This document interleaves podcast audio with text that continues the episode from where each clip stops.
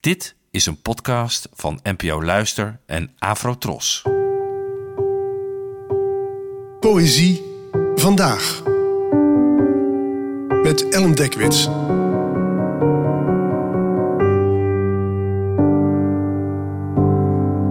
Hallo, fijn dat je luistert. Het gedicht van vandaag heet Glazenwasser ziet schilderijen en werd geschreven door de Nederlandse dichter Menno Wigman, geboren in 1966 en overleden in 2018. Glazenwasser ziet schilderijen. Auto's, gelach, geraas, alles slaat dood op zeven hoog. Ik hoor alleen mijn spons en het verkoude knarsen van het staal waaraan ik hang. Soms spreekt een wolk mij aan, of gis ik wat een meeuw te zeggen heeft. De mensen, druk, wit, stemloos, achter glas. Op acht hoog kunst. Dat meisje daar die lag, wie heeft haar zo bespied dat ze immuun voor complimenten mijn gezicht inkijkt? En wanneer breekt die sperwer uit zijn lijst? Ik hang hier, als een ijskoud schilderij, waar niemand oog voor heeft. Ik poets en zoeg en maak het uitzicht vrij, schilder er maand na maand onvervalste wolken bij. Kijk, daar kruipt al zonlicht in mijn lijst. Ik geef veel les op middelbare scholen. Van uh, workshops gedichten schrijven tot hele lesreekse poëzieanalyse. En altijd begin ik de les met dezelfde vraag, of althans, vooraf vraag ik altijd eerst wie er vrijwillig zit, waarop er doorgaans geen hand de lucht in gaat, waarop ik de roedel jongvolwassenen geruststel dat het helemaal niet erg verschrikkelijk is wat we gaan doen en dat we nagelang hun inzet misschien zelfs nog voor de pauze klaar zijn. De echte, officiële vraag waar ik zo'n college vervolgens mee begin, is een ogenschijnlijk simpele, maar wel een wezenlijke. Wat is een gedicht? Vaak volgde dan wat gestamel, waarop ik dan maar meteen de vervolgvraag stel, namelijk waaraan herken je een gedicht?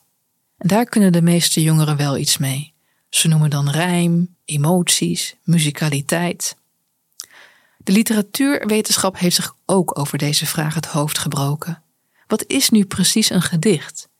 In de tijd van Homerus was het een welklinkend heldenepos. Tijdens Joost van den Vondel soms, zoals met zijn protestvers Het Stokje, meer een protestkolom op rijm. En voor een poëet als Lutjebert was het weer een klankwerk. Sommigen zeggen dat je een gedicht herkent aan het vele wit, aan het feit dat de zinnen halverwege de pagina zijn afgebroken, en tegenwoordig wordt veel een gedicht genoemd. Er zijn poëten waarbij het ook echt onzeker is of het proza of poëzie is, omdat hun zinnen doorlopen tot het einde van de pagina en er veel minder wit is dan vroeger. En zelf zie ik een gedicht vooral als een leeshouding. Neem bijvoorbeeld de regel: je mag niet achteruit.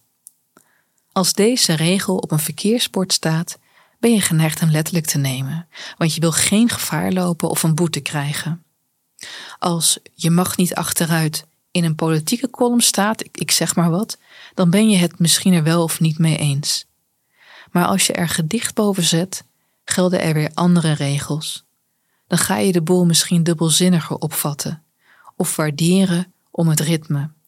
Het genre bepaalt, om kort te gaan, hoe je tegen de tekst aankijkt, hoe je de tekst duidt. Bij een gedicht wordt de aandacht gelegd op de beelden, maar ook op de vindingrijkheid van klanken en hoe de zinnen klinken, waardoor je dit gedicht van Menno Wigman om diverse redenen kan bewonderen. Om het regelmatige ritme ervan, waarop de glazenwasser misschien ook wel zijn werk doet. Of vanwege de vele S-klanken, die mij doen denken aan het geluid van klotsend water, wat toch wel een beetje de vaste soundtrack is voor iemand die ruiten zeemt. En tenslotte is er ook nog de nieuwe blik op de dingen. Want Wigman toont hier dat een glazenwasser in zekere zin ook een visueel kunstenaar is, omdat hij met zijn lappen vergezicht aan vergezicht voor de kijker ontsluit. Wat een heerlijk idee. En eigenlijk zijn ook alle dichters glazenwassers. Bedankt voor het luisteren en tot de volgende keer. Afro Tros de omroep voor ons.